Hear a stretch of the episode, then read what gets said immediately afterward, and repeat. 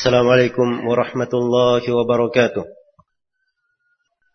إن الحمد لله نحمده ونستعينه ونستغفره ونعوذ بالله من شرور أنفسنا وسيئات أعمالنا.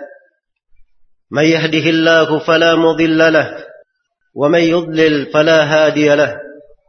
أشهد أن لا إله إلا الله وحده لا شريك له. وأشهد أن محمدا عبده ورسوله.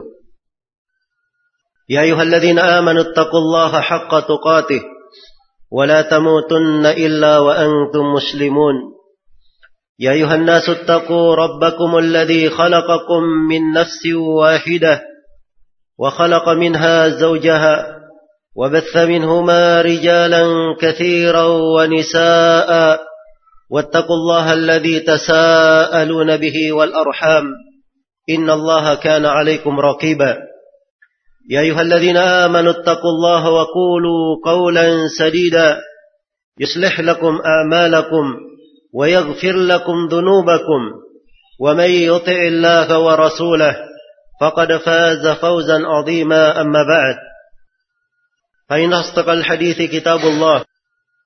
وخير الهدي هدي محمد صلى الله عليه وسلم.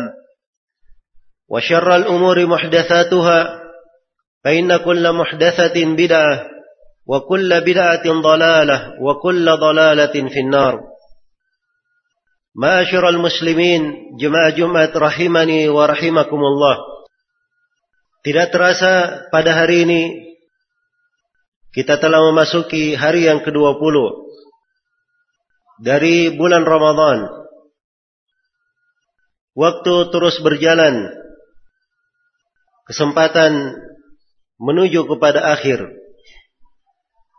Dan seorang hamba hendaknya selalu mengambil pelajaran dari setiap kesempatan dan lembaran yang Allah bukakan untuknya.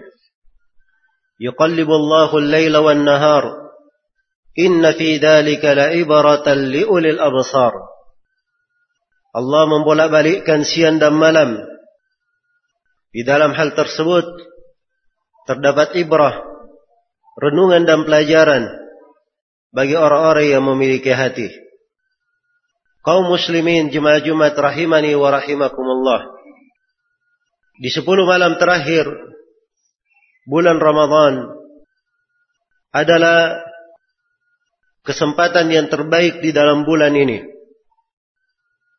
Karena itu di dalam hadis Aisyah yang diriwayatkan oleh Imam Muslim Aisyah bertutur Kana Nabi alaihi wasallam yajtahidu fil ashr al awakhir ma la yajtahidu fi ghairihi adalah Nabi sallallahu alaihi wasallam sangat bersungguh-sungguh di 10 malam terakhir hal yang beliau tidak bersungguh-sungguh seperti itu pada selainnya.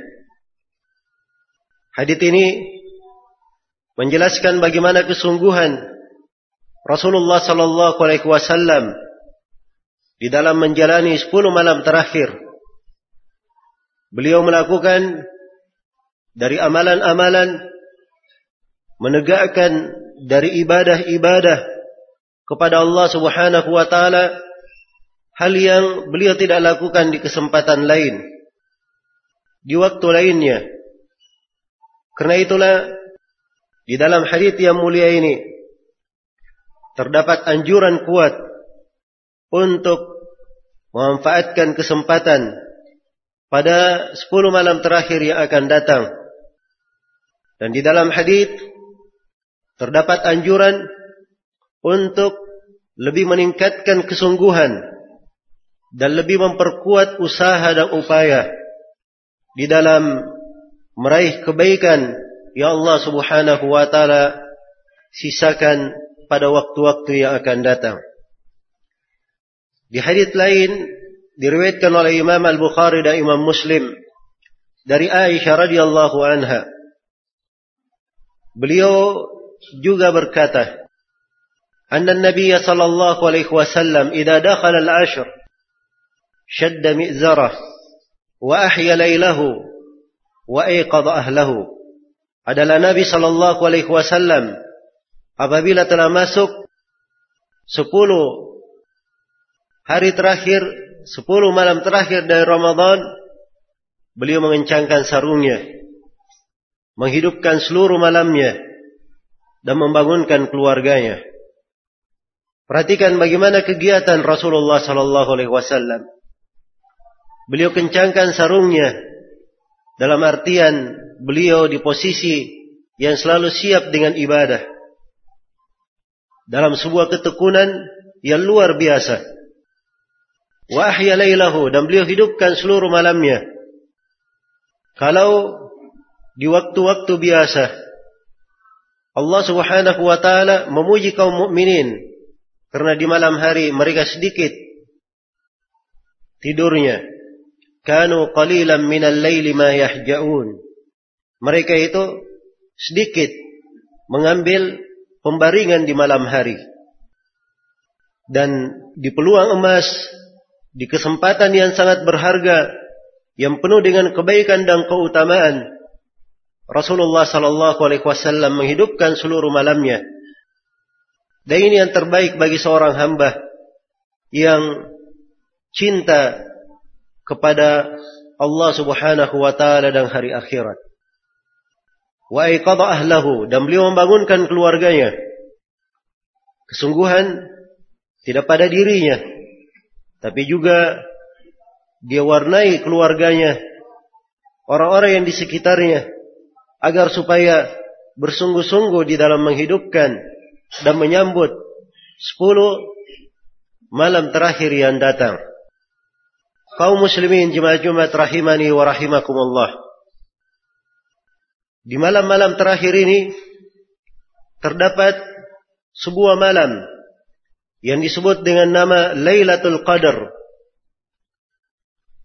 Yang Allah Subhanahu wa taala telah menjelaskan keutamaan dan keagungannya dalam sebuah surah khusus diturunkan di dalam Al-Quran, dibaca hingga hari kiamat, agar supaya selalu diketahui akan keutamaan dan keagungan dari Lailatul Qadar ini. Allah Subhanahu wa taala berfirman, "Inna anzalnahu fi Lailatul Qadar."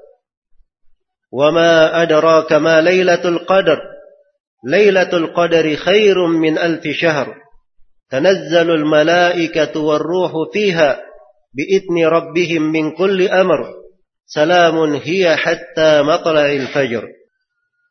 Sesungguhnya kami menurunkan Al-Quran pada malam Lailatul Qadar. Dan ini dari keagungan Lailatul Qadar. Al-Quran diturunkan di malam itu. Maka ayat di surah Al-Baqarah, Syahrul Ramadan alladhi unzila fihi Al-Quran. Bulan Ramadan yang diturunkan di dalamnya Al-Quran maksudnya di, di Ramadan ini di malam Lailatul Qadarnya. Karena di ayat yang lain, Inna anzalnahu fi lailatin mubarakah. Sesungguhnya kami menurunkan Al-Quran itu pada malam yang berberkah. Pada malam yang berberkah. Inna anzalnahu fi lailatul qadar. Wa ma adraka ma lailatul qadar. Tahukah kalian? Tahukah engkau apa itu Lailatul Qadar? Ini pertanyaan mengagungkan perkara. Sebagaimana uslub di dalam Al-Quran berulang pada hal yang seperti ini. Al-haqqatu mal-haqqatu wa ma adraka mal-haqqah. Al-haqqah, kiamat yang pasti. Kiamat yang pasti. Dan tahukah kamu apa itu kiamat yang pasti? diagungkan tentang kiamat. Al-qari'atu, mal qari'atu, wa ma adraka mal qari'ah. Surah Al-Qari'ah, Al-Qari'ah juga adalah nama untuk Al-Qiyamah. Sesuatu yang dahsyat. Al-Qari'ah. Wa ma adraka mal qari'ah. Dan tahukah kamu apa itu Al-Qari'ah? Diagungkan tentang kiamat ini. Dibesarkan perkaranya agar supaya orang yang mendengarnya merasakan bagaimana dahsyatnya kiamat itu dan mestinya bersiap terhadapnya. Demikian pula pada ayat ini, "Wa ma adraka ma Lailatul Qadar?" Tahukah kamu apa itu Lailatul Qadar? Pengagungan akan malam ini. Dan para ulama menyebutkan bahwa Lailatul Qadar disebut sebagai Lailatul Qadar karena dia adalah malam yang agung. Penuh dengan kebaikan dan keutamaan. Kebaikan dan keutamaannya mengarah kepada dua hal. Yang pertama, pada orang yang melakukan amalan di Lailatul Qadar itu. Siapa yang melakukan sebuah amalan yang baik di Lailatul Qadar, maka dia lebih agung daripada yang lainnya. Lebih berkadar di sisi Allah Subhanahu wa taala. Dan yang kedua adalah mengarah kepada amalan itu sendiri, bahwa amalan di malam Lailatul Qadar lebih besar dan lebih agung daripada amalan di tempat yang lainnya, di waktu yang lainnya. Lebih besar daripada beramal di waktu yang lainnya. Dan di antara ulama ada yang menyebutkan bahwa Lailatul Qadar disebut Lailatul Qadar karena di malam itu ditakdirkan segala perkara, malam penakdiran. Allah Subhanahu wa taala berfirman, "Fiha yufraku kullu amrin hakim." Di malam itulah ditakdirkan dibagi setiap perkara yang bijaksana. Dan di antara ulama yang menyebutkan Lailatul Qadar. Al-Qadar dari kata penyempitan. Karena bumi waktu itu sempit oleh para malaikat. Di dalam hadis yang diriwayatkan oleh Imam At-Tayalisi, Ibnu Khuzaimah, Abu Ya'la dan selainnya, Rasulullah sallallahu alaihi wasallam bersabda, "Innaha lailatu sabi'atin aw tasi'atin wa ishrin." Wa innal malaikata tilka al-laila fil ardi aktsaru min adadil hasa. Sesungguhnya dia adalah malam ke-27 atau ke-29 dari Ramadan. Dan para malaikat di malam itu di atas muka bumi lebih banyak daripada jumlah kerikil. Lebih banyak daripada jumlah kerikil. Maka dikatakan Lailatul Qadar sempit bumi itu dengan malaikat yang turun pada malam tersebut. Dan di antara ulama ada yang menyebut bahwa Lailatul Qadar disebut Lailatul Qadar karena pada malam itu diturunkan Al-Quran yang penuh dengan qadar, penuh dengan keagungan dan kemuliaan. Ma adraka ma Lailatul Qadar. Lailatul Qadri khairun min alfi syahr. Sungguhnya malam Lailatul Qadar itu lebih baik daripada seribu bulan. Lebih baik daripada seribu bulan. Seorang yang beramal di malam Lailatul Qadar, maka amalan yang dia lakukan itu semisal bahkan lebih baik daripada dia beramal di seribu bulan, 83 tahun dan 4 bulan. Coba bayangkan, andai kata seorang berdiri sholat. Selama 83 tahun, 4 bulan. Sungguh lama waktu yang dia kerjakan untuk sholat tersebut. Tapi seorang hamba, seorang muslim dan muslimah, Allah muliakan dirinya dengan kesempatan emas. Peluang yang sangat berharga. Sebuah malam di akhir dari Ramadan ini ada yang disebut dengan Lailatul Qadar. Dia melakukan ibadah di situ pada malam tersebut itu lebih baik daripada seribu bulan. Lebih baik daripada seribu bulan. Karena itu seorang yang berakal. Seorang yang berfikir baik untuk dirinya dan untuk kehidupan akhiratnya. Dia akan bersungguh-sungguh memanfaatkan waktu yang ringan ini. Sepuluh hari dari ratusan hari kehidupan kita yang telah berlalu. Sepuluh hari yang kita harapkan di dalamnya terdapat kebaikan bagi seorang hamba, terdapat hal-hal yang menyucikan dirinya, lebih mendekatkannya kepada Allah Subhanahu wa taala. Siapa yang luput dari malam Lailatul Qadar ini, Sungguh kerugian yang sangat besar. Di dalam hadis Abu Hurairah yang diriwayatkan oleh Imam Ahmad dan Nasai, Rasulullah sallallahu alaihi wasallam bersabda, "Ja'akum Ramadan syahrun mubarak, iftaradallahu alaikum siyamahu." تفتح فيه أبواب الجنة وتغلق فيه أبواب الجحيم وتغل فيه الشياطين فيه ليلة خير من ألف شهر فمن حرمها فقد حرم الخير telah datang kepada kalian bulan Ramadan bulan yang berberkah Allah wajibkan di dalamnya berpuasa dibuka di dalamnya pintu-pintu sorga ditutup pintu-pintu neraka dan para syaitan dibelunggu di dalamnya terdapat sebuah malam lebih baik daripada seribu bulan. Siapa yang diharamkan mendapat kebaikan di malam itu, maka dia telah diharamkan dari segala kebaikan. Iya. Karena itulah perhatikan dari keagungan dan kebaikan yang Allah bukakan. Lailatul Qadar khairun min alfi syahr. Malam Lailatul Qadar lebih baik daripada seribu bulan. tanazzalul malaikatu warruhu fiha biidni rabbihim min kulli amr. Para malaikat beserta malaikat Jibril turun pada malam itu dengan membawa segala perkara. Perhatikan bagaimana malaikat turun. Dan malaikat turun membawa kebaikan dan keberkahan. Salamun hiya hatta matla'il fajr. Ini penegasan bahwa malam itu malam yang penuh dengan keselamatan. Tidak ada hal yang jelek yang terjadi. Malam itu malam yang siapa yang menggunakannya dia akan mendapatkan keselamatan. Dan ini adalah kesempatan yang hendaknya digunakan oleh seorang hamba menyambut sepuluh malam terakhir ini.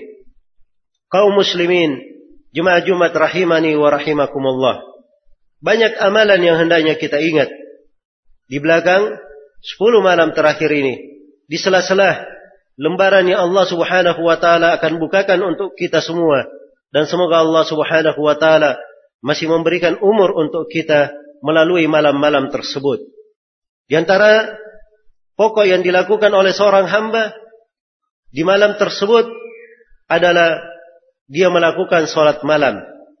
Dan ini yang dikerjakan oleh Nabi Shallallahu Alaihi Wasallam. Beliau hidupkan seluruh malamnya, iya, dengan ibadah. Dan beliau telah mencontohkan kepada para sahabatnya. Bagaimana panjangnya solat beliau di malam Ramadan. Sampai pernah di malam ke-27. Beliau mengimami manusia. Dari Ba'da Isya hingga menjelang terbitnya fajar subuh. Sampai para sahabat khawatir ketinggalan makan sahur. Iya. Perhatikan bagaimana beliau menghidupkan malam tersebut dan ini adalah suatu motivasi yang diberikan oleh Rasulullah sallallahu alaihi wasallam untuk dicontoh. Dan beliau telah bersabda, "Man qama lailatal qadri imanan wa ihtisaban, ghufira ma taqaddama min dhanbi." Siapa yang melakukan qiyam salat malam pada Lailatul Qadar karena keimanan dan mengharap pahala, maka akan diampuni apa yang telah berlalu dari dosanya. Dan dari hal yang disyariatkan di sepuluh malam terakhir seorang hamba melakukan i'tikaf.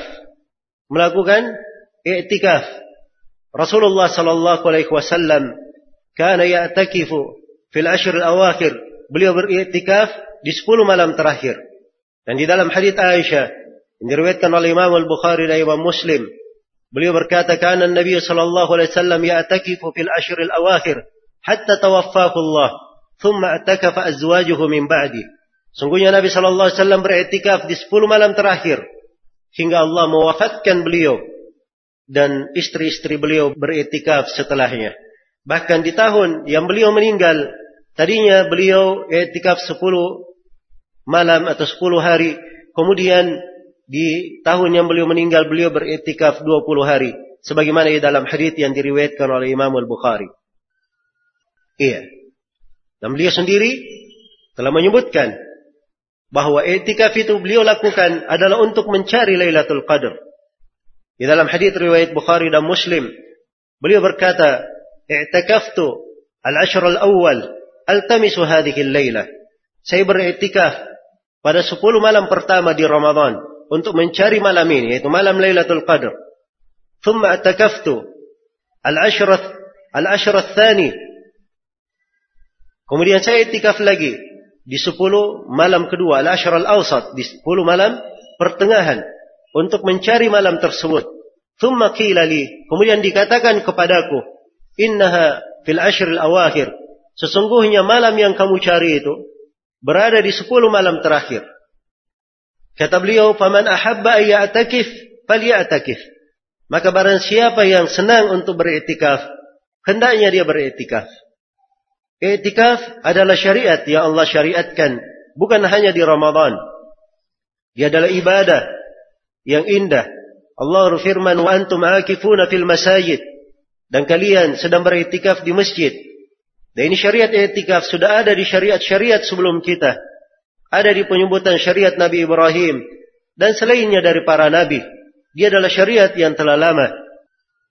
Iktikaf maksudnya adalah seorang berdiam di dalam masjid paling sedikit sehari dan semalam. Menyibukkan dirinya dengan ibadah di dalam masjid tersebut. Dan dia tidak keluar dari masjid kecuali untuk keperluannya sebagai manusia. Untuk keperluannya sebagai manusia.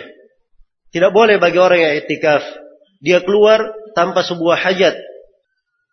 Bahkan untuk hajat menjenguk orang yang sakit menyambut tamu tidak diperbolehkan. Tidak diperbolehkan. Dia hanya boleh keluar untuk hajatnya sebagai manusia saja. Perlu untuk mandi, perlu ke belakang, perlu makan dan minum. Hanya sekadar yang dia perlukan. Setelah itu dia kembali ke masjid. Dan itu makna yang diinginkan dari i'tikaf. Dan seorang yang sedang i'tikaf tidak boleh melakukan hal-hal yang diharamkan. Karena itu dalam Al-Quran dikatakan wala tubashiruhunna wa antum akifuna fil masajid. Dan janganlah kalian bermubasyarah dengan istri-istri kalian. Sedang kalian beriktikaf di masjid. Mubasyarah bisa bermana hubungan suami istri, bisa bermana pendahuluan-pendahuluan, menyentuh dengan syahwat, dan yang semisal dengannya. Dan itu adalah hal yang diharamkan bagi seorang yang iktikaf di dalam masjid. Iya. Karena itu kesempatan i'tikaf adalah seorang gunakan tatkala ia berada di dalam masjid menghimpun dari semangat dan penghambaannya kepada Allah Subhanahu wa taala. Dia bangun jiwanya dengan i'tikaf tersebut. Dia putus dirinya dari segala kesibukan dunianya agar supaya dia lebih sejuk beribadah kepada Allah Subhanahu wa taala dan melatih dirinya dengan hal tersebut. Dan dari hal yang disyariatkan, seorang lebih memperbanyak doa kepada Allah Subhanahu wa taala. Iya. Ini adalah Ramadan. Bulan punya kekhususan dengan doa.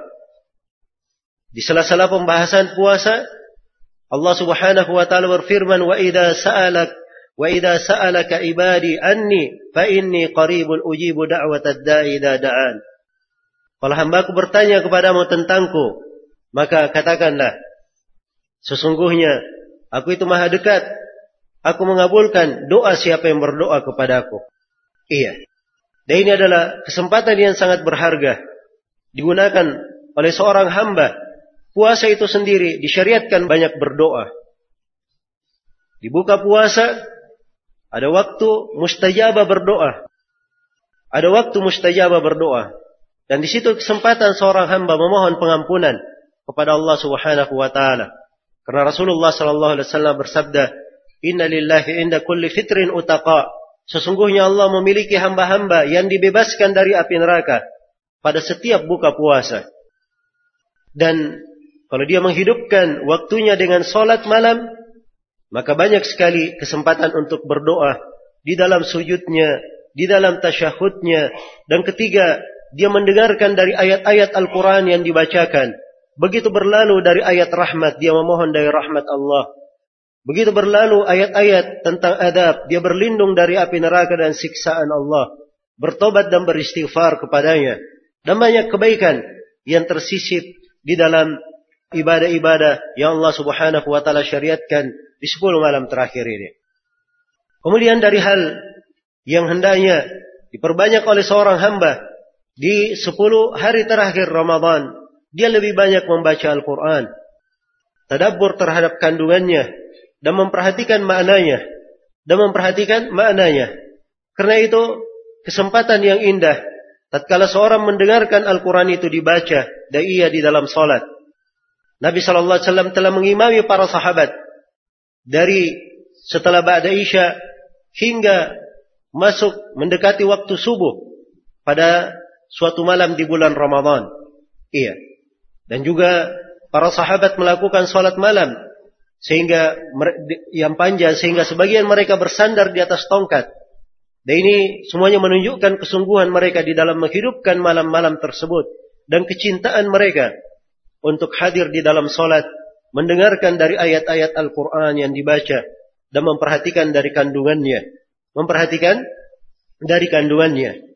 Iya, maka perbanyaklah dari membaca Al-Quran ini, perbanyak dari memperhatikan makna dan kandungannya. Iya.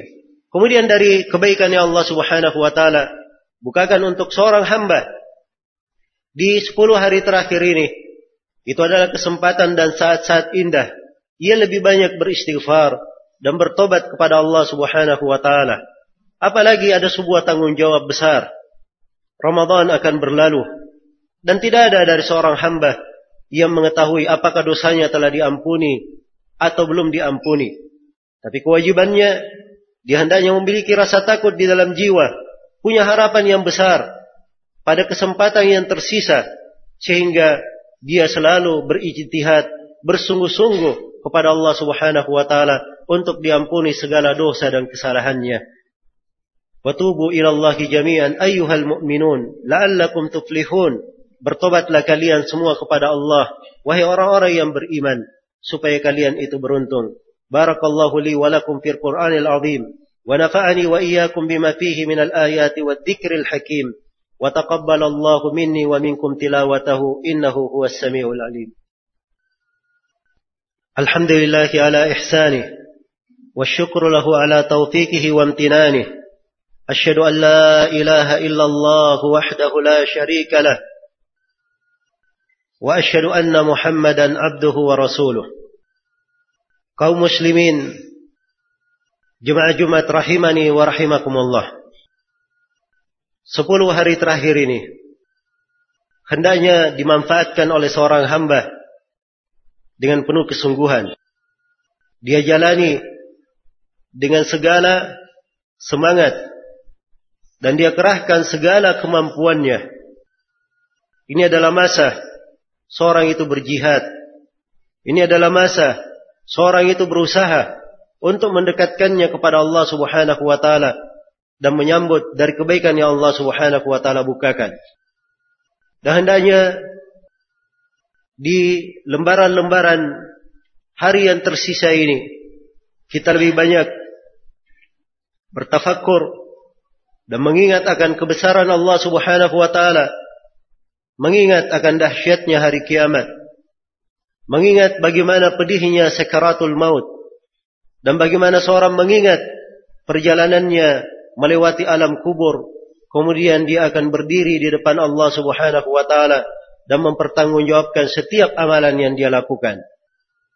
Dan hendaknya seorang mengingat bahwa pada hari kiamat hanya ada dua hanya ada dua golongan Fariqum fil jannati wa fariqum fis sa'ir. Satu kelompok berada di dalam sorga dan satu kelompok di dalam neraka yang menyala-nyala. Sehingga ia mengetahui kadar nikmat itu dan besarnya dari anugerah Allah Subhanahu wa taala hingga ada semangat yang besar di dalam jiwanya dan ada rasa takut yang membuatnya lebih dekat kepada Allah Subhanahu wa taala. Hendaknya setiap hamba memperhatikan dari ibadah-ibadahnya, menjaga keikhlasannya, menjaga dirinya selalu di atas tuntunan dan petunjuk Rasulullah sallallahu alaihi wasallam.